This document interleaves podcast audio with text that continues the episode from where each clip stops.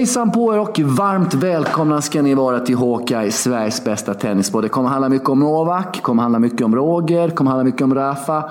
Vem är egentligen bäst genom tiderna? Eller alla tre bäst? Det är alltid intressant att diskutera detta efter Grand Slam-turneringen som Wimbledon nu var. Vi kommer också prata Båstad och mycket mer till. Lyssna, mejla och så vidare. och så vidare.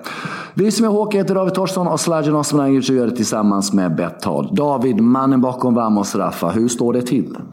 Pigg, rask, studsig. Jag har en viktig tennismatch idag. Eh, jag har varit uppe sedan klockan sex. Eh, det är golf i helgen Sladjan. Det är där vi skiljer oss åt. Att jag älskar golf, du tycker inte om golf, eller hur? Älskar att titta på golf. Den här Nästen som vann för ett par år sedan här sista rundan mot Mickelson. Va? Vilken mm. sportunderhållning. Sportunderhållning i dess allra högsta nivå. Dramatiskt på tv.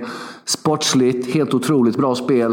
Eh, fantastiskt, fantastiskt. Mycket, mycket trevligt eh, var det att titta på. Jag trodde inte det om dig. Vi har aldrig pratat om golf. Vi, vi är praktiskt taget tvillingar Sladjan. Vi gillar samma saker. Vi borde nästan bli ihop. Ja, jag är allmänt väldigt sportintresserad och ganska bred i mitt sportintresse och sådär. Och eh, det är ju ganska dumt att inte uppskatta bra sportdramaturgi när man ser den framför ögonen. Liksom. Som, som det här Mickelson-Stensson-caset mm. var med fjärde rundan. Och första svenska manliga spelare som någonsin vinner en Major i golf. Det var inte dumt. Det var inte dumt alls faktiskt. Det var det inte. Topp tre idrottshändelser för min del faktiskt. Jag har tittat på så otroligt mycket golf i mina dagar. Man liksom hade ju börjat ge upp att det där skulle hända någon gång. Och så bara bara kom det helt plötsligt. Nej, det var, kan ha varit en liten, liten tår i ögat. Mm. Det, var, det var trevligt. Vi får hoppas på något liknande i helgen. Banan ska passa honom sägs det. Mm. Och han är i lite halvform så det blir kul. Apropå dramatik och sport och tension och känslor så. Vad säger du om femte set eh, på All England Lawn Tennis Club i söndags? Final Federer-Djokovic. Kort, vi kommer komma in på det här så småningom sen igen. Men vad, rankar du femte setet? Det känns liksom rankar, alltså kvalitetsmässigt, det var ju bra. Jag har försökt, jag har sett eh, stora delar av matchen flera gånger. Det brukar jag aldrig göra faktiskt. Men det här var, som, det var så svårt att förstå sig på så jag har kollat igenom det några gånger. Det var, jag skulle nog säga att det var liksom eh, topp 10 bästa matcher som har spelats. Det tror jag faktiskt att det är. Eh, sen eh, om det är topp 5 eller inte, det vet i sjuttsingen. Eh, men det är otroligt bra. Och som jag har skrivit om det, alltså det, det kan aldrig varit någon som har varit så bra och förlorat en Grand Slam-final som Federer gjorde. Han, liksom, han var ju överlägsen men förlorade. Känns inte så mysigt. Jag mår fortfarande lite dåligt av att se skiljesätt på något sätt. För man, man ser ju, man, man, man känner ju vad Federer känner. Det måste ju vara så hemskt det där och även efteråt. Alltså, nej, usch! Hur, hur känner du? Liksom, hur orkar han med det här Federer? Ja, man kan ju se det på, på tusen olika sätt. Liksom. Ska man se det väldigt, väldigt positivt så slår han ju Nadal på fredagen. Ganska bekvämt. Eh, sen har han två matchboll i egen serve mot Djokovic. Han har mycket tillfällen som helst. Han har ju ändå 5-3 i första tiebreak och så vidare. Eh, någonstans så, så eh, visar han ju, även om han inte vinner mot båda två kontinuerligt två matcher efter varandra, så visar han ju att han skulle kunna göra det fortfarande. Väldigt, väldigt nära. Och hade det inte varit just Djokovic som stod där på andra sidan nätet med de här två matchbollarna så hade han kanske sannolikt vunnit någon av dem. Det där passing shotet, passeringen, forehandspasseringen som påminner mycket om den han gjorde mot Nadal i semin förra året. Vid 40-30, 8-7 är ju helt eh, makalös alltså. Och returen innan där är inte dum alls. Så det beror ju lite på hur man vänder och vrider på det hela faktiskt. Eh. Men vi återkommer. Vad tror du han ångrar mest? Vad ångrar Federer mest? Jag tror, jag har en idé om vad han ångrar mm. mest. Vad tror du? Liksom, vilken boll känner han?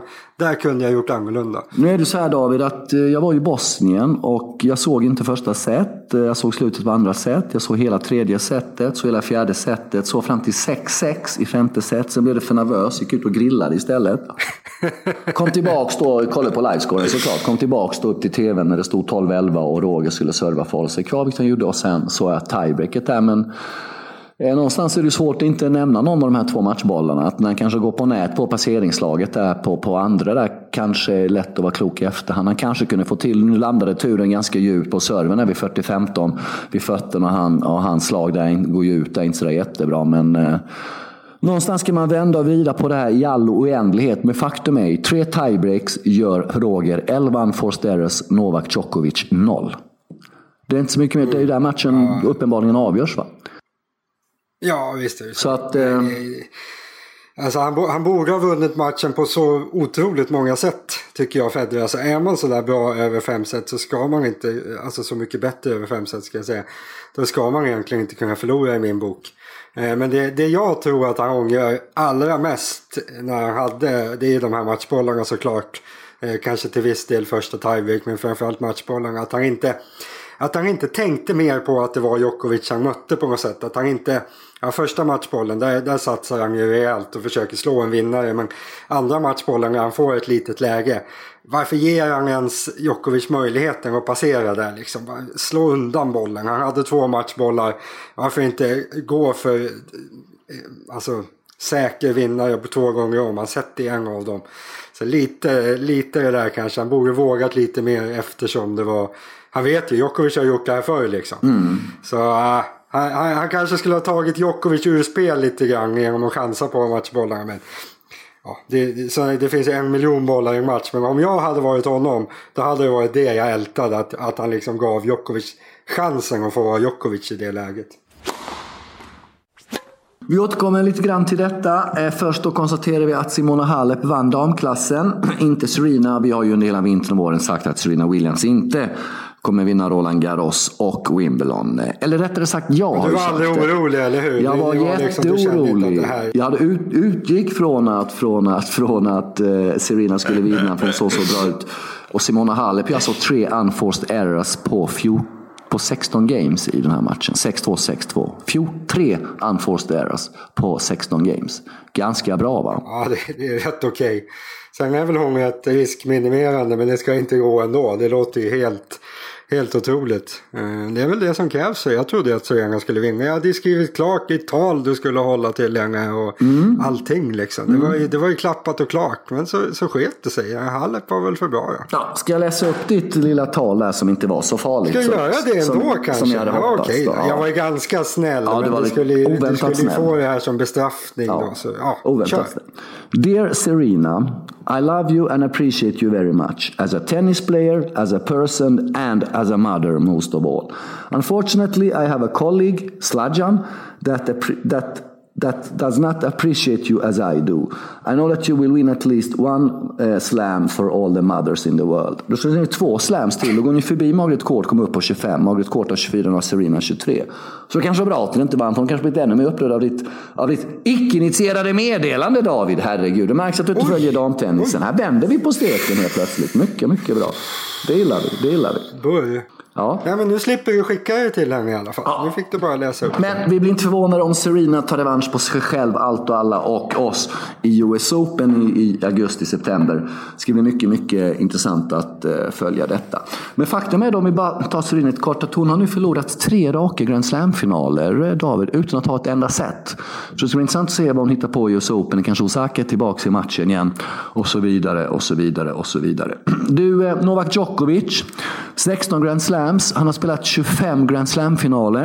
Det var väldigt mycket fokus på att publiken var emot honom. Är det inte ganska fascinerande att en sån här duktig tennisspelare med 16 Grand Slam-titlar, vad är det, 32 eller 33 Masters-titlar, 5 ATP Tour World Finals-titlar, i 25 Grand Slam-finaler haft publiken emot sig i 24 av dem. Enda gången haft publiken med sig var när han slog Andy Murray på Roland Garros 2016 när han fullbordade sin eh, Nåle Slam. Eh, är inte det lite trist någonstans? För han förtjänar ju en applåd eller två den här killen också. Jag vet inte, för, förtjänar man liksom folks eh, om, vad ska man säga, för det är väl inget som, folk väljer väl själv vem de tycker om tänker jag lite grann. Alltså, du kan ju vara hur bra som helst och du kan tycka att du är hur fantastisk som helst som människa men det är ändå Alltså det är andra människor som avgör. Tydligen så tycker de är mycket bättre än någon, om någon annan. Det handlar inte om att tycka om någon annan mer än... än, än ja men det gör det väl. Man hejar väl på den man tycker om. Låt, inte låt mig förklara, herregud. Jag pratar om sportprestation, om stora idrottsmän. Även om inte du tycker om eh, en idrottsman personligen så kan du förtjäna en applåd för de prestationer han eller hon har utfört. Det med... ja, han fick väl en liten golfapplåd Han fick en liten golfapplåd efter matchen, vilket var väldigt skönt. Det hade inte varit speciellt kul om, om, om de hade buat åt honom. Men en sak som jag undrar. All den här kärlek Roger har fått, med all rätt och så vidare.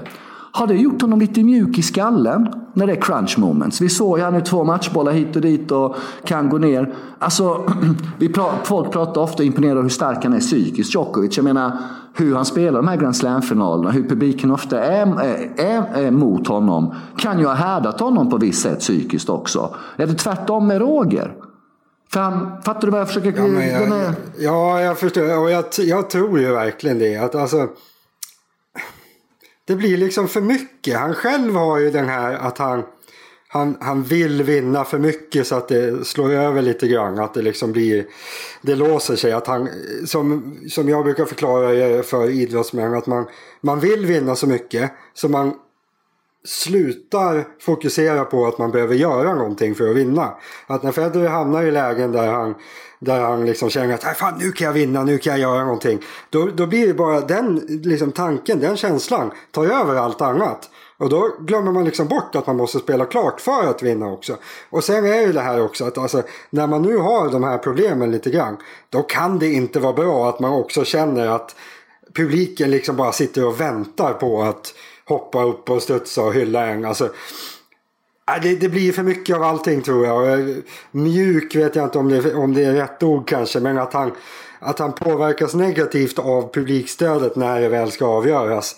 Det tror jag man kan säga utan utan någon som helst tvivel. Sen är det såklart bra för honom under andra delar av matchen. När han, när han är i lite jobbigare lägen då är det ju väldigt bra för honom att ha publiken på sin sida. Inte minst för, för att sänka motståndaren lite grann. Men just när det ska avgöras tror jag att det är faktiskt en väldigt stor nackdel för honom.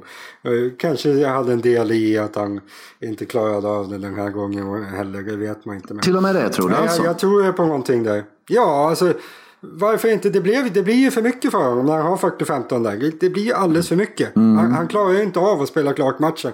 Och när man dessutom tänker tillbaka till lägena 5-3 i första sets tiebreak.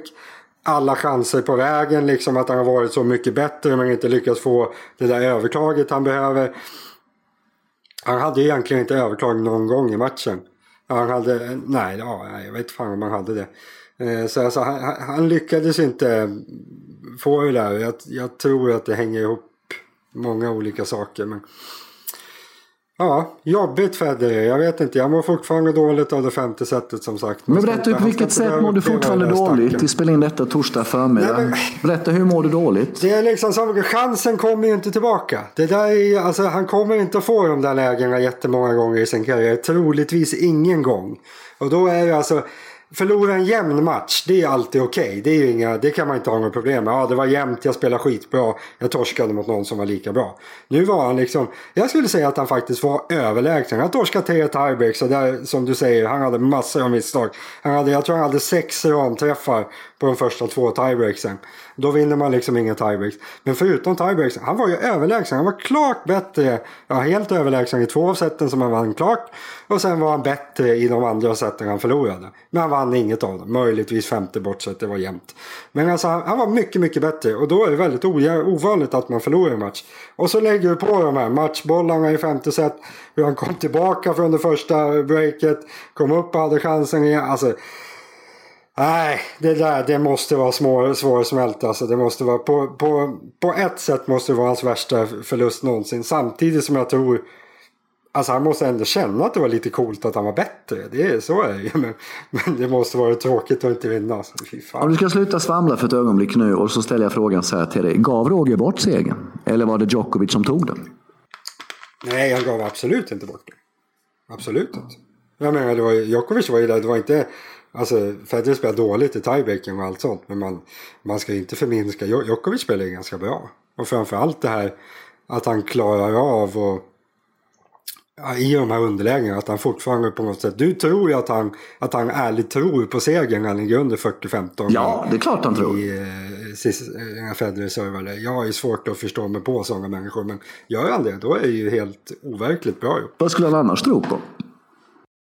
Nej men det gör man ju inte. Alltså man kan spela på och liksom hoppas på att nej men jag kan få med mig det här gamet. Men det är ju en helt omöjlig situation. Det är ju angränsande till 1-0-1 inom oddsvägen liksom. Det är klart.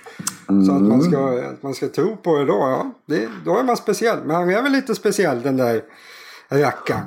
Ja, han applåderar ju där vid 15-0, 12-11 i femte set och Roger lägger en fantastisk stoppboll. Då till 30-0, då passar han på att applådera Rogers volley. Det är en ganska stor sportsman där måste jag säga. Du, eh, nummer 21.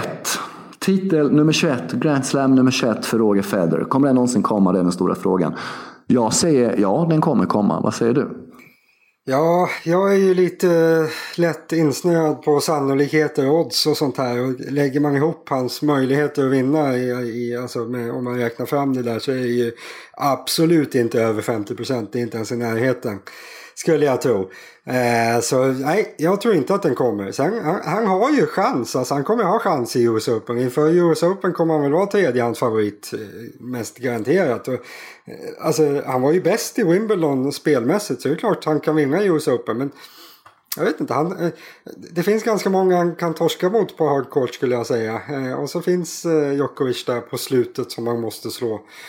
Uh, så jag tror inte det. Jag tror inte det kommer någon 21. Det här var nog chansen. Men det är som sagt det är bara det är en, en gissning. Jag tror att det är mindre chans att han plockar 21 än att han inte gör det. Men ja, chansen finns. Så du kan ha rätt Sladja. Man vet aldrig. Till och med du kan ha rätt. Mm, det hade ju till exempel om att Serena. Va, hur tänker du? Varför tar han 21 och när tar han Ja, Novak. Eh, han har ju visat nu i Wimbledon som vi var inne på i början av eh, podden då, att han kan ju slå Rafa ena dagen och sen i en final då nästan slår Djokovic, har två matchbollar på honom och ja, kunde ju lika gärna vunnit den matchen bevisligen.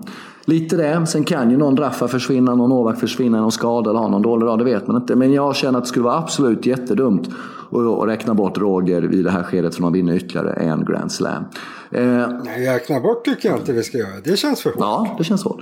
Du, det är så mycket snack om vem är som är GOAT hit och dit. Jag säger så här, alla tre är GOAT. Rafa, Roger och Novak är de tre bästa tennisspelarna genom tiderna. De är en symbios, de kommer som ett paket. De är beroende av varandra, de gör varandra bättre, de utvecklas. De blir bättre när de möter varandra kontra andra spelare, de bästa. I, de, i, i 57 av de 59 senaste Grand Slam-finalerna har en av dessa eller två av dessa varit på banan. I 22 av de 59 senaste har två av dessa tre spelat. I 57 av de 59 senaste har någon av dem varit på banan. Det är ju helt sjukt alltså. Helt sjuka siffror. Vad ska jag skriva om nu när du säger så här? Jag har ingenting att skriva om längre. Du, du, du slår ju fast hur det egentligen ligger till. Jag kan bara skriva alla tre ja, Du kan väl utveckla det? Nej, vad, du kan väl utveckla det i din mikroblogg? Eh, du marknadsförde ju den där idén för mig igår. Det är bland det klokaste du har sagt Sladden. Alla tre goats på olika sätt. Det är bara att välja. Det marginaler. Vad föredrar man på något sätt? Men de här tre är ett paket. Det är ju det vi måste fatta liksom. och, och, och, och. Ja, det är helt otroligt alltså vilken, vilken tid vi lever i. Det är, det är helt, helt otroligt. Ibland är det kanske lätt att ta det för givet. Någon tycker att tennisen är så förutsägbar. Den är inte alls förutsägbar. Det är så mycket på spel i varje Grand Slam-turnering just nu. Just för att det handlar om också det här med 2018-16 som de ligger på i antal titlar.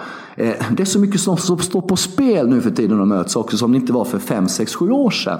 Och det är också intressant det här, eh, vilka värdemätare ska man ha då? Liksom? Jag eh, var inne och kollade kommentarerna på Vamos Rafa. Någon tyckte att ah, Roger är GOAT för att han har mer stjärnglans. Det är väldigt subjektivt att bedöma stjärnglans. Ska vi då säga att ah, Novak är GOAT för att spelat in mer pengar Roger på färre turneringar? Alltså, det går ju liksom inte. Men jag har börjat fundera fram på att utveckla ett nytt mätinstrument. Jaha, oj. Berätta. Mm. Ska jag göra det? Ja! Så här. Ja. Från då, om vi tittar då på när eh, Roger blev världsetta första gången, när Rafa blev världsetta första gången och när Novak blev världsetta första gången. Så tar det då tio år fram i tiden från det datumet de blev världsetta första gången. Och så mäter du av hur många veckor var de världsetta den här perioden, hur många slams respektive jidder har de vunnit.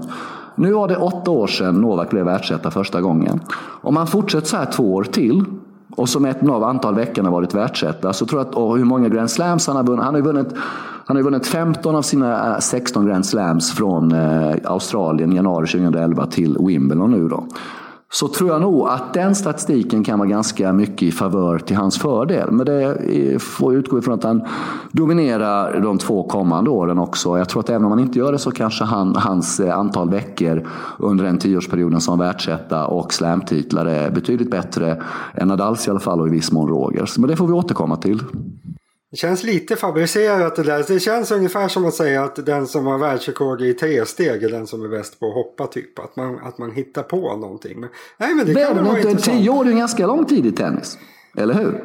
Ja visst, men varför ska du inte mäta hela perioden då de spelar? Jo men det blir, när de väl är världsetta är de top of the mountain så att säga. Du är inte top of the mountain, du är på plats ja, 77 jo. eller hur? Eller plats 19 eller plats, plats 8. Då är du dominant. Nej, det, det, finns en poäng. Ja, det finns en herregud. Det handlar ju om det var mycket konstig kommentar från dig måste jag säga. Jag blev besviken på dig till och med faktiskt. Jag ser framför mig jag har suttit en halv dag och försökt komma fram till det Nej men de är ju som ett tåg. De är som, det, är tåg som, det är liksom som ett tåg som drar varandra framåt de här tre på olika sätt. Liksom. Eh, onekligen. Så vi får se lite grann hur det där... Nej men jag gillar det där att, att, att man efter när, när de är klara sen. Om man bara kommer kunna landa i att ja, de var bäst. Måste man liksom säga för att Federer vann en slam mer än Djokovic var han bäst? Eller var Djokovic bäst för att han vann? Han var världsetta i liksom hundra veckor till. Eller var Nadal bäst för att han vann en miljon Franska öppna? Alltså det är så jämnt mellan dem i alla kategorier. Nadal är väl ganska långt efter i världsetteveckor. Men alltså Ja, de är så jäkla jämna. Så är det kanske där man kommer landa till slut. Att ja, men de där tre var bäst. Det vore ju lite mysigt på något sätt. Om man men de inte, är ju bäst. Om det inte blev helt klart ens efter. Det är de som har flest Grand Slam-titlar. Det är de som har spelat flest Grand Slam-finaler. Pete Sampras som ligger på 14 har inte ens vunnit Franska öppna. Liksom, och inte i närheten av lika komplett allround-spelare som de är. Och spelar en helt annan samtid. De här tre är bäst genom tiderna, punkt slut. Tittar vi på deras finalstats. Roger 20 vunna, 11 torskar. Rafa 18-8. Eh, 26 finaler, Roger 31. Nåle 25 då, 16-9. Vi noterar att Djokovic har vunnit sina fyra senaste Grand Slam-finaler också. Så att eh, han har inte torskat sedan han torskade i US Open 2016 mot snabba Rink. Han har inte riktigt var sig själv. Med konstiga turneringen efter att han åkte ut mot St. Query Wimbledon och sen åkte mot Del Potro tidigt i OS och fick väl två återbud och någon avbruten match där. Eh, så det är också noterat att han har vunnit de fyra, sina senaste fyra Grand Slam-finaler. Det ser ju också någonting, eller hur? Mm. Ja, och med sin femte Wimbledon-titel så tangerar Djokovic Björn Borg. Bara det är ju lite sådär, ja, wow, det är ganska overkligt. Och har då Sampras 7 och Federer på 8. med tanke på hur vass han är på gräset här, Djokovic. Han har alltså vunnit fyra av de sex senaste Wimbledon-turneringarna. Kan han vara uppe och nafsa på Sampras och till och med Federer till slut, jag tror du? Ja, men kanske. Alltså det, det, är så otroligt svårt på något sätt. Det är tre stycken upp till Federer. Det är liksom... Det är lång väg, men det som jag tycker är helt fantastiskt med det är att han har vunnit fem gånger. Känns det inte som att han, han har vunnit Wimbledon fem gånger lite i skymundan? Lite i Man pratar ju aldrig om Djokovic som, som liksom Wimbledon-kung. Eftersom Federer har vunnit fler och Federer har den här auran av att vara så, så overkligt överlägsen på gräs. Men liksom, man pratar ganska mycket om att Björn Borg har vunnit fem Wimbledon-titlar. Gör man inte det? Det gör man. Så vann ju Björn sina på raken och han hade ju vunnit Roland Garros innan. Det är två veckor emellan och det är väldigt svårt att och fixa den kombo, det är väl bara Roger Den har ju Nål aldrig fixat. Det har bara Roger Raffa gjort exempelvis. Vinna franska och sen gå vidare och vinna Wimbledon direkt. Så det sätter ju tydligt, eh, tydligare märke också. Sen får vi komma ihåg att vår käre Björn Borg, älskar Björn, eh, att, att, att var ändå han som på något sätt globaliserade tennisen, gjorde tennisen till en global angelägenhet. Oavsett det så ska Djokovic ha cred för sina fem titlar, men det kommer ju bli mer. Han har inte vunnit sin sista Wimbledon, så han kommer ju till och med passera Björn Borg. Frågan är, blir det en eller två eller tre till? Eh, vem trodde liksom innan Roger kom så trodde ingen att någon skulle komma upp, komma upp till Sampras sju. Det var en omöjlighet. Och nu har vi då två i den här samtiden. En har gått förbi och en har nafsat. Det, det är helt otroligt faktiskt. Ja, mäktigt. Vi har det bra Sladjan. Vi lever i en tid då det är ganska okej okay tennis. Så du vågar inte ge dig på någon gissning vad som är taket för, eh, för Novak vad det gäller just Wimbledon? Nej, gissning kan jag såklart ge mig på. Jag skulle väl gissa, alltså jag tror ju att femårskillen och en ganska realistisk eh, tidsplan att ha honom i, i den absoluta toppen på något sätt. Och då vinner han väl mellan två och tre. Ja. Så 7-8, det blir precis på gränsen där om man når, når Federer eller inte. Men sen ska han väl nå tycker jag. Jag menar om, om Federer blir lite sämre till nästa säsong, ja Nadal... Äh, Nej, jag tror han kommer fortsätta in. Jag har en fråga förresten till dig eh, Sladjan för att sy ihop den här eh, topp tre diskussionen. Om du hade tvingats välja en som inte är störst bäst någonsin av de här tre. Vem hade du tagit då? Ja, eh, spontant sett så måste det nog bli Raffa för antalet veckor som världsetta då, då. Sen har ju Raffa haft skador och allt det där. Klart det tillhör ju toppidrotten och så vidare och så vidare. har ju alla de här tre haft. Eh, men någonstans får det nog bli Raffa om du sätter en pistol mot tinningen. För det gör du nu va? Du har en pistol mot tinningen, eh, symboliskt talat. Ja, ja, om jag sätter samma pistol tillbaks på din tinning, tinning då, vad väljer du? Så hade jag sagt precis samma sak och valet är faktiskt ganska enkelt skulle jag säga. Mm. Eh, det känns lite fusk att vinna så många Franska öppna på något sätt. Det, det är den där man kan vara mest överlägsen med mest marginaler. Och, ja, vi, vi såg någon... Eh, vi fick eh, titta mejl. Ja, vi tar dem om en liten stund. Om, om... Ja, men låt mig släppa den i diskussionen här nu innan den Nej, kommer. vi ska inte släppa. 013 mot de två största ja, vi... på hardcourt. Det väger ganska... Nej, det blir inga vi har den här stora titlarlistan som du älskar att blogga om emellanåt. Det fyller ju bra mm. med plats i din mm. mikroblogg. Du gör ett inlägg på 30 sekunder så har du hela den dagen fixad. Bra, bra! Hur fan vad elakt Bra arbetsplanering. Jag, jag försöker lära mig. Jag försöker... Varför är du så arg på mig? Nej, jag är jättesnäll. Sen jag varit i Bosnien. Jag har fått så mycket kärlek och värme av folk så jag har blivit lite av en ny människa. Även jag känner att jag håller på att försvinna så fort jag pratar med dig. Men jag kämpar på här. Och... Jaha, med mina... nu är nya kompisar. Med mina, så med mina inre. Nej, jag älskar dig David, det vet du. Men får jag dra listan där? Oj, de är 20 då. Ja, ja, ja. Fed och Nåle 54 är stora titlar som då är Grand Slams, ATP 1000 och ATP Finals såklart. Fed 54, eh, Nåle 54, Rafa 52. Rafas är ju fördelade på 18 Grand Slam-titlar, 0 eh, ATP-slutspelet och 34 Masters. Mycket Madrid, Rom och Monte Carlo där. Nåle har då 16, sen har han 5 Tour Finals och 33 Masters. Roger har 6 Tour Finals, 20 Grand Slams och 28 eh, Masters. Det som är intressant är ju då egentligen den här eh, siffran hur många av de här tre stora turneringarna måste spela för att få en titel. Där är det i Rogers fall 4,2 ingångar, eller vad vi ska kalla det. Rafa 3,5 och Nål är bäst där med 3,3 för att vinna en stor titel. Eh, det är rätt imponerande de här siffrorna också onekligen, eller hur? Särskilt som de har mot varandra hela tiden att jobba med. Ja, det är ganska okej okay att vinna var tredje stor tävling man, man spelar över hela karriären. För det ska man ju ha klart för sig att de, i alla fall Djokovic, hann ju spela i ett knippe innan han började vinna särskilt mycket. Så hade man tagit den här statistiken från när han vann första gången på lite ditt sätt att tänka där med världsetta. Då hade ju snittet varit ännu, ännu bättre liksom. Men ja.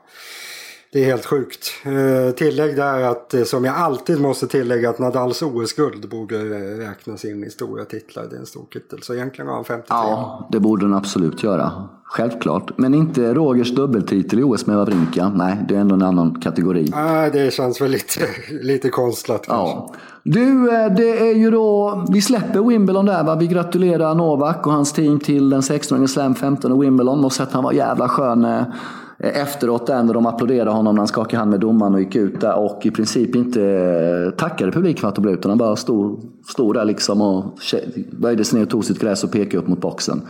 Eh, ett, ett sublimt sätt att säga tack för stödet, fuck you. Ja, jag tycker också det var ganska rätt. För alltså han, det finns ju Federer har haft störst stöd när de har mötts många, många gånger liksom. Men nu var det ju, det var ju helt sjukt vad, vad de inte hejade på Djokovic. Jag tyckte han gjorde, han brukar köra den här, sin vanliga tackning där mot alla läktarna. Men jag tycker det var helt rätt att han eh, sket i det. För han hade faktiskt ingenting att tacka Nej det hade han verkligen inte. Och det som jag... Sen gräsätandet vet jag inte Sladjan. Ska han hålla på med det där? Eh, det tycker jag. Hans lilla nisch där och hans tradition. Det, det, det tycker jag gott han kan. Han får njuta av det. Det är väl hans sätt att gå in i zonen och njuta efter en seger då. Men haft alla emot sig hit och dit liksom och bla bla. Så det tycker jag går. Hellre att han gör det än att han håller på med de här fyra hjärtarna mot publiken om jag ska vara helt krass med det. Jag accepterar. Ja, det, det är inga större konstigheter. Eh, ja, det var rätt kul där i Bosnien. Såg ju, huset, eller såg ju matchen där i, i, i, i mitt gamla hus i Bosnien, eller pappas hus. Och, min eh, ingifte farbror då, liksom stor Djokovic-supporter. Han har ju varit och skänkt massa pengar till barnhem i Sarajevo, du vet till sådana föräldralösa barn. Han har varit och skänkt massa pengar och engagerat sig i saker som man inte läser om i, i väst och så vidare. Så han är ju oerhört populär i de här regionerna. Liksom. Var det bra fart i vardagsrummet? Det var riktigt bra upphopp. Stod ni på bordet och nej, kramades? Nej, men fan, kramades gjorde vi. Farbror 73 hoppade upp. Ja, han vann. Och så stänger han av tv. Nu går vi ut och grillar. det låter nästan som när jag tar promenad när Sverige spelar i fotbolls-VM och sånt där. Det är samma, samma syndrom, att man liksom bara inte tål pressen. Ja, fy fan vilken handsvett man har när Nåle spelar. Det är helt otroligt alltså. Det är så sjukt alltså. Det är... Sen var man ju säker på att han skulle torska liksom, när man följer på livescoren. För jag var nervös då för se efter 6-6 där då. När, när Roger har de här två matchbollarna. Så hoppade livescoren över, vet vi, refreshen, den första matchbollen. Så jag tror han bara hade en matchboll, Roger. Så vi kan förklara för mig att, att det var en till. Ah, det var lite, lite nervöst. Du, eh, jag är i Belgrad, du är i Uppsala. Ingen av oss är i Båstad. Men det pågår en tennisturnering där nere av tvivelaktig kvalitet, David. Ja, det känns väl... Jag tror att det, det kan vara 15 år sedan jag senast inte var där. Eh, det känns väl rätt bra egentligen. Jag har kollat lite på tv. Jag vet inte. Jag, jag, jag känner liksom inte... Jag känner ingen anledning till att vara där på något sätt. Det är för... Det är verkligen för dåligt. När det är... Garin var högst rankad, han är väl 35 i vägen och sen är det liksom det, det är ett par spelare rankade topp 50 i vägen i en ATP-turnering. Alltså om man inte ens kan lura mig att det är bra, hur ska man då kunna lura andra människor liksom? Det, nej, de har en del att jobba med det. Jag tycker det är sorgligt att det har fått förfalla som det har gjort. Sen, det, det finns anledningar till att det inte funkar riktigt. Man har ju en magrumsvecka såklart att ligga precis efter Wimbledon och så vidare. Men den här gången hade man liksom inte ens kvar en friplats för om det skulle vilja komma en spelare efter Wimbledon och spela. Man gav ut alla tre wildcard tre veckor innan turneringen. Eh, och liksom det, då, då har man gett upp. Mm. Då tror man inte ens att man kan få någon bra spelare som åker ut tidigt till Wimbledon. Och om man inte tror det, vad har man då för ambitioner? Liksom? Det, Nej, det, det har eh, förfallit det där. Jag tycker det är tråkigt. För alltså Båstadveckan, det var ju, jag reser ju inte så mycket som alla vet. Jag gillar inte att röra på mig så mycket. Särskilt inte utanför Sveriges gränser. Då Båstadveckan har ju varit liksom en av årets höjdpunkter. Det har varit en av tre, fyra, fem turneringar jag tittar på på ett år. Men nu är det så pass dåligt så jag inte ens pallar mig dit. Om det säger att jag är slö eller någonting annat, det vet jag inte. Men jag har ju tydligen gjort det i 15 år i rad hittills. Men att det nu har blivit så pass dåligt att man inte ens åker dit. Eh, ja, det, det, är tråkigt. Jag satt och skrev om turneringen precis eh, nu på morgonen. Alltså kvartsfinalerna som kommer spelas i morgon, det är torsdag idag. Eh, de, alltså det kommer vara, det är Challenger-klass. Det kommer vara någon hyfsad spelare med. Men i övrigt alltså det kommer vara spelare som förra veckan, eh, flera stycken som spelar på Challenger-touren förra veckan kommer vara i Kvacken i Båstad nu. Alltså det är inte Nej, det var inte där vi var för några år sedan Sladjan. När, jag var, när folk liksom vallfärdade till Båstad, både spelare och publik. Det, var, nej, det har varit Tråkigt! Hur länge... Jag vill ha tillbaka Båstad. Kan du ta över och bara fixa till turneringen? Nej, det är ju en omöjlig vecka in the first place. Det är ju en sån jäkla jobbig vecka att jobba med för dem. Liksom. Alltså superjobbig vecka att jobba för dem. Ja, men de har ju fixat det förut liksom. Förut har det ju funkat. Ja, men förut har det funkat de med att du hade David Ferrer, en topp 10-spelare, utpräglad grusspecialist som alltid åkte ut tidigt till Wimbledon. Som kom där då liksom och jag gav det någonting. Du hade en Söderling som kom dit efter Wimbledon för att han var svensk. Annars hade han aldrig gjort det. Så då har du någonting att bygga på liksom. Eh, Frågan är, kommer, ja, visst, kom, kommer de bli av med den här turneringen? Det är mer det jag oroar mig för. Jag menar, de måste höja kvaliteten på det här på något sätt för att få behålla statusen. Ja, så är det. Att ha liksom högsta rankade spelare 35, det, är ju, det, det, får man inte ha liksom. Så det, det är klart, sen har de ju bortförklaringar. De har ju som du säger, det är ju en hemsk vecka att ha. Så det är klart att det är svårt. Men just det här att man inte försöker, det är väl det jag skulle kritisera i så fall. Att om man nu har som mål att få hit någon bra spelare, vilket jag tycker man ska ha. Ja, då måste man väl i alla fall hålla dörren öppen för om man skulle kunna få en spelare efter Wimbledon. Att man åtminstone liksom försöker hålla koll på, på spelarna som åker ut i Wimbledon och fråga lite grann. Men nu gav man tredje wildcardet till Davidovic Fokina som inte en människa vet vem han är. Han är en ung spelare som kan bli ganska bra. Men alltså du måste vara exceptionellt idrottsintresserad för att veta vem han är. Så det finns ju ingen anledning att ge honom en friplats som man i teorin med maxutdelning skulle kunna ge till någon som folk skulle vilja se. Jag hajar den kritiken. Jag, liksom... jag hajar kritiken Torstensson. Men se... Det är slött. Ja men vänta, vänta, vänta, vänta, vi vänder på perspektivet. Ser du ur arrangörens perspektiv, om jag ska spela djävulens advokat eller fan vad det heter. Vem hade de kunnat locka till sig från årets Wimbledon av gruskillarna som åker ut lite tidigare? Ge mig ett konkret exempel vem du i sådana fall, om inte delat ut det tredje wildcardet innan turneringen. Vem har de kunnat jobba på i praktiken? Ja, alltså nu, jag, jag, vet ju inte vad de har för kontakter såklart. Men de borde väl börjat massera typ Tsitsipas. Eller de borde väl frågat Kachanov. Eller de borde frågat Medvedev. Alltså det finns ganska många som man i alla fall skulle kunna prova med. Som kanske skulle, om man marknadsför Båstad på rätt sätt. Att det är liksom du, du har sett alla dina idoler har varit här och frågar om de har haft fantastiskt roligt här och du får en bra peng för att komma. Du behöver, liksom, du behöver inte kämpa typ åk hit på semester en vecka vi kommer ta hand om dig. Det finns ganska många som man skulle kunna fråga om det. Jag kan fortsätta. Ja, det, det, det, det, jag, jag ville bara ha lite alltså, konkreta. Det finns många som man hade kunnat kunnat prova på istället för att ha Davidovic Fokina som. Sen, de får göra precis vad de vill men jag tycker att det är det är tråkigt att man inte försöker lite mer. Framförallt eftersom det här har varit något som har varit så väldigt roligt för mig genom åren. Jag liksom, det har varit så otroligt bra emellanåt också. Man har ju liksom förundrats över hur, hur de fått hit alla de här bra spelarna varje gång. För tittar man på vad de borde velat ha betalt så skulle inte Båstad ha råd att ha liksom färre Berdych plus två till topp 20-spelare. Det kostar pengar och det borde inte ha Båstad haft råd med. Men man har lyckats trolla till det förut så man har ju höga, höga förhoppningar på något sätt. Och då är det ju inte så roligt om det är Garin och Verdasco som är högst, som är liksom toppnamnen. Det är inte... Det håller inte, det är för dåligt. Vi fattar, vi fattar. Du, eh, Zverev åkte ut till Wimbledon. Har ju då eh, dumpat sin agent och blivit stämd av agenten och då tydligen förhandlat för sig själv, läste jag någonstans på någon tennisblogg, att eh, någon turneringsarrangör skulle eh, komma med ett bud för appearance Då bad Svedov honom mejla honom direkt till honom själv. Är det rätt sätt att få fart på tennisen igen på det sportsliga och hålla på liksom och vara sin egen agent tills vidare? Det är lite orolig för Svedovs prioritering här. Ja, det känns väl inte riktigt så. Sen vet jag inte, är, är det han som sitter och mejlar? Han gav sin personliga mejladress till, till den här agenten okay. enligt, enligt det här då en eh, seriös amerikansk tennisjournalist. Då var den här eh, turneringspromotorn var väldigt, väldigt förvånad. Och det säger någonting om vilken nivå ja, det är. Det hade man blivit va? Mm. Han känns lite överraskande. Han, han känns ju väldigt vilsen, gör han inte? Alltså, ja, just nu verkar han vara vilsen. Var, varför, han är vilsen när han spelar tennis. Han känns, det känns som att han har ingen styrning i övrigt heller. Jag vet inte. Ja, nej, det låter... Vi får återkomma i, vi får, vi får återkomma i ämnet. Du, eh, vi finns ju på sociala medier och sånt där. Berätta lite mer om det.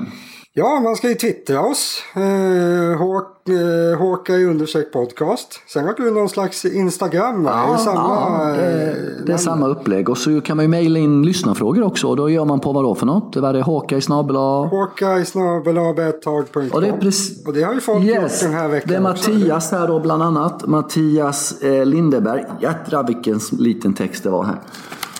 Och var väldigt, väldigt mörkt kan jag säga. Och man kanske börjar bli lite, lite gammal också. Aj, aj, aj. Vänta nu, jag måste ta fram de dubbla glasögonen här. Hej! Vi vill, vi vill börja med, skriver Martin här. Undrar vilka som är vi? Eller jag? Eller ja.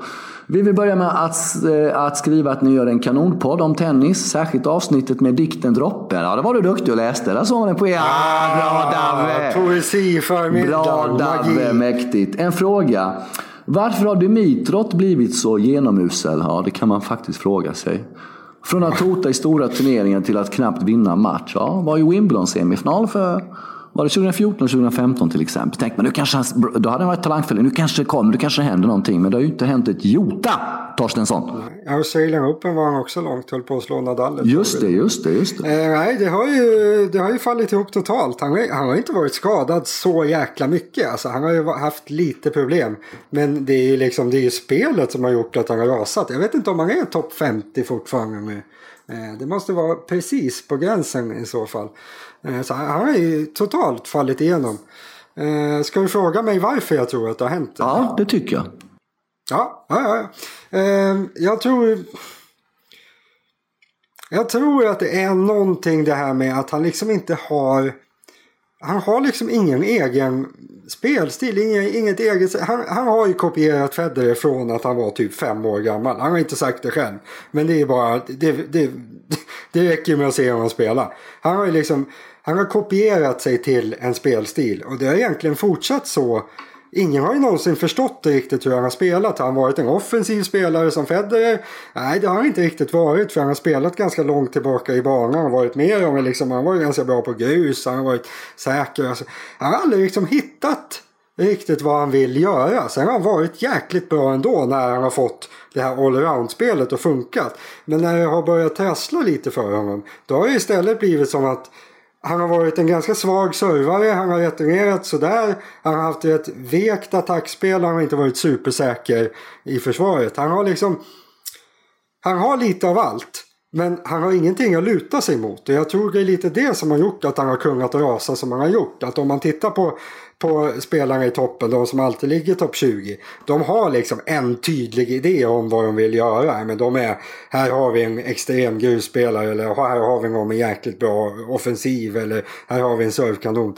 Dimitro har liksom haft, ja han har lite av allt. Men sen när han blir lite sämre, ja då har han nästan ingenting helt plötsligt. Så, här...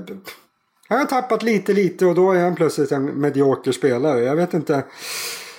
Det känns ju som det är en ganska tuff väg uppåt också skulle jag säga. För det är, liksom, det är mycket som måste förbättras för att han ska komma tillbaka. Jag tror aldrig att han kommer komma tillbaka och bli topp 10 igen. Det skulle jag säga är helt orealistiskt. Så lyckas han ta sig tillbaka topp 20 då ska han vara väldigt nöjd. Och du har jobbat med bra tränare som Danny Velverdo som han kickade nyligen då som gjorde under med Andy Murray. Eh, Roger Rashid som gjort under med många. Liksom. Och det har ju inte heller gjort någon skillnad egentligen. Alltså det har aldrig blivit någon kontinuitet i, i, i, i sportsliga resultat. Nej. Nej, jag, nej, precis. Han har haft några svenska, han har gått på det här good to great och då har, varit några, då har han fått någon tränare som inte är någon av deras etablerade. Så jag vet inte, han, han, han, kanske är lite han kanske är lite vilsen han också precis som serial. Det känns som han har liksom inte, han vet inte riktigt vad han ska hitta på. 52 är han just nu på rankingen. Det är inte särskilt bra när man har varit topp 10 och runt topp 10 i många år. Och inte gammal, jag menar han är, vad är han? 27, 28 år, 28 kanske. Men jag tror det blir tufft. Yes, sir. Det är en lång väg att gå. Yes sir. För att runda av det hela, återknyta det hela då. Det här, fått ett lyssnarmail här på morgonkvisten från Adam tror jag. Det som du var tvungen att droppa innan då. då. Nadal 0-13 head to head mot Federer och Djokovic utanför grus. Alltså på hardcourt och gräs sedan Australian Open 2014. Och det är ju relevant för då, det är ju egentligen Roland Garros Rafa kan luta sig mot om det ska bli någon mer Grand Slam-titel sannolikt. Det har ju det här med knäna på hardcourten också. Vad det gäller US, US Open och AO som är är säkerligen en del i den här förklaringen eh, till att han har 0-13 på de här två då, på hardcourt och gräs sedan eh, 2014. Eh, men det är ju ändå häpnadsväckande statistik när man ser den så här, är det inte det? Det är det verkligen. Det är liksom det är ett svettigt undertag får man säga. Alltså det är 0, alltså 13 raka torskar. Eh, jag har inte kollat upp det själv så jag kan inte hundra säga men det stämmer säkert. Alltså det känns som det var otroligt länge sedan han, han slog någon av dem på något annat underlag och jag vet inte, det känns ju inte som att han är jättenära Djokovic i alla fall. Sen Federer borde han ju rimligtvis slå någon gång tycker jag i alla fall. Men 0-13 det är ganska tydligt. Det är väl ytterligare en anledning som jag, som jag sa där. Jag, jag tror inte han har slagit Djokovic på hardcourt sedan han vann sin senaste US Open-final. Om det var 2013 eller kanske var 2014. Nej, det var, jag vet inte när det var men det var 5-6 år sedan i alla fall. Intressant statistik. Det ska bli jäkligt intressant med hardcourt-säsongen som kommer upp som kröns då av US Open. Nästa vecka då har vi tänkt att vi ska ha stor debatt. Då kommer vi storbråka om Vasek Posuspil, en av de här som sitter i spelarrådet, som tycker då att tennisspelarna får för lite pengar genereras till spelarna från själva turneringarna. Och han jämför ofta med då olika eh, lagsporter och så vidare. Du är väldigt, väldigt anti Vasek Posuspil. Jag kan se vad han försöker säga. Och det ska vi, och då kommer jag ikläda mig hans roll nästa Försöker vecka. Försöker du starta det här bråket nej, redan nej, nu? Jag, nu? fick jag ju puls. Jag säger bara, spar pulsen där uppe i skogen i Uppsala och ligg i din pool och, och kör lite hundsim där och fundera på hur du ska... Du får slita på argumenten. Jag kan vara ganska retorisk av mig. Eh, så det ser jag väldigt, väldigt mycket fram emot av det faktiskt. Men så har vi då mitt nya snälla jag efter Boston, mitt nya varma jag. Mitt ny, nyvarma jag då, så att det kanske inte blir så, så, så farligt ändå. Men det ska bli kul att debattera lite grann. Ja, ja det, det blir festligt. Helt jag ska festligt. försöka fokusera väldigt mycket på tennisspelarnas utgifter. Det låter sexigt va, eller hur? Och jag, inte... jag kommer mest fokusera på att han är en idiot. Och vi spelar in på morgonen, eh, Torstensson. Jag har inte hostat en enda gång. Vad tror du det kan bero på? Ja, det är mäktigt. Vad kan det bero ja, på? Du har suttit och rökt sedan klockan fem Nej. i morse, så det är riktigt För Jag bodde på tre nätter på hotell, eh, bergskedjan Blasic i Bosnien. Högsta punkt 1943 meter över havet. Med en helt sinnessjuk ren och luft. Jag har inte hostat sedan jag, jag, inte hostat sedan, sedan jag lämnade Bosnien. Vet du. Det är helt sjukt. Det är helt sjukt alltså. Värsta kurorten. Du kanske skulle flytta ut i skogen Sladjan. Här finns det inga avgaser. Nej. Det är bara en massa frisk luft och fåglar som kvittrar. Ja, det finns ingen takeaway och ingen hemkörning av middag heller. Och inga affärer som är öppet 24 timmar om dygnet finns det inte heller. Ni har lyssnat på Hawkeye, Sveriges just nu bästa tennispodd. med David Torstensson och Sladjan Osmanagic. Gå in på Vamos Raffa och läs Davids inlägg. Vad kommer du blogg? Blir det mycket Båstad? Vad händer framöver? Jag skrev långt om Båstad nu under morgonen så det får nog bli något mer spännande. Jag skrev ju om min, min egen Ja, du skulle spela dubbel i eftermiddag. Ja, jag har inte hunnit läsa det. Ja, Berätta ja, lite mer om du och din bror spelar dubbel i någon slags turnering ja, utanför eh, Uppsala när det är Båstadvecka och allt. Öregrund, väldigt trevligt ställe. Du har inte varit i Öregrund? No, det har jag inte. Det, har jag inte. det är lite som, det är Upplands Båstad. Jaha, ja, mäktigt. Det är trevligt. Ja. Precis vid havet. Mycket mysigt. Eh, vi vann första matchen 10-8. Jag var så dålig mm. så jag, jag försökte eh, framberätta hur dålig jag var för de få kompisar jag trots allt ja. har. Jag, jag har gått bitt. Alltså. För jag är ju lite så här att jag, jag är ofta ganska hyfsad på olika sporter. Jag har lite bollkänsla så, här, så jag brukar vara okej okay, oavsett vad det gäller. Men den här gången, jag var så, så, så dålig Sladja. Mm. Så fort jag försökte slå till bollen, alltså den kunde, den kunde sitta två, tre, fyra meter ut fast jag försökte, fast jag liksom inte inte var så särskilt aggressiv. Så alltså, nej, det, var, det var en hemsk upplevelse. Det är första gången jag har, jag har känt att jag verkligen inte kan spela en idrott. Jag, liksom, jag brukar känna att jag är ganska bra men det där, det, jag var så fruktansvärt dålig. Eh, men nu, nu, nu ny match idag klockan 15 och eh, jag kommer komma med nysträngad racket vilket förhoppningsvis eh, ska hjälpa lite grann. Ska väl säga så att jag tror faktiskt inte jag hade spelat tennis på ett och ett halvt år innan det här så det, det kanske är lite bristande träning som, som ligger bakom. Men jag borde vara bättre idag och eh, Nej, men vi hoppas på avancemang till eh, kvartsfinal. Eh, min bror var jävligt bra i första omgången så jag kanske kan eh, luta mig lite mot honom. Kommer lossna idag Torstensson. Det kommer lossna. Kommer lo idag ja. lossnar det. Idag lossnar det. Ja, ja, Ta fram din inner Novak så kommer det, kommer det lossna. Liksom. Ät lite... Jag ska tänka Novak i turen. Jag tänker Novak. Jag, står, jag ser Novaks röv framför mig. Ja, det är jättebra. Vi tackar alla som har lyssnat på oss. Vi är tillbaka nästa vecka. Då kommer det bli het debatt. Eh, hur synd det är om... Eh... Ja, det har jag ju sagt hela tiden. Nu stänger vi, ner. Tack och hej, hej, hej. day.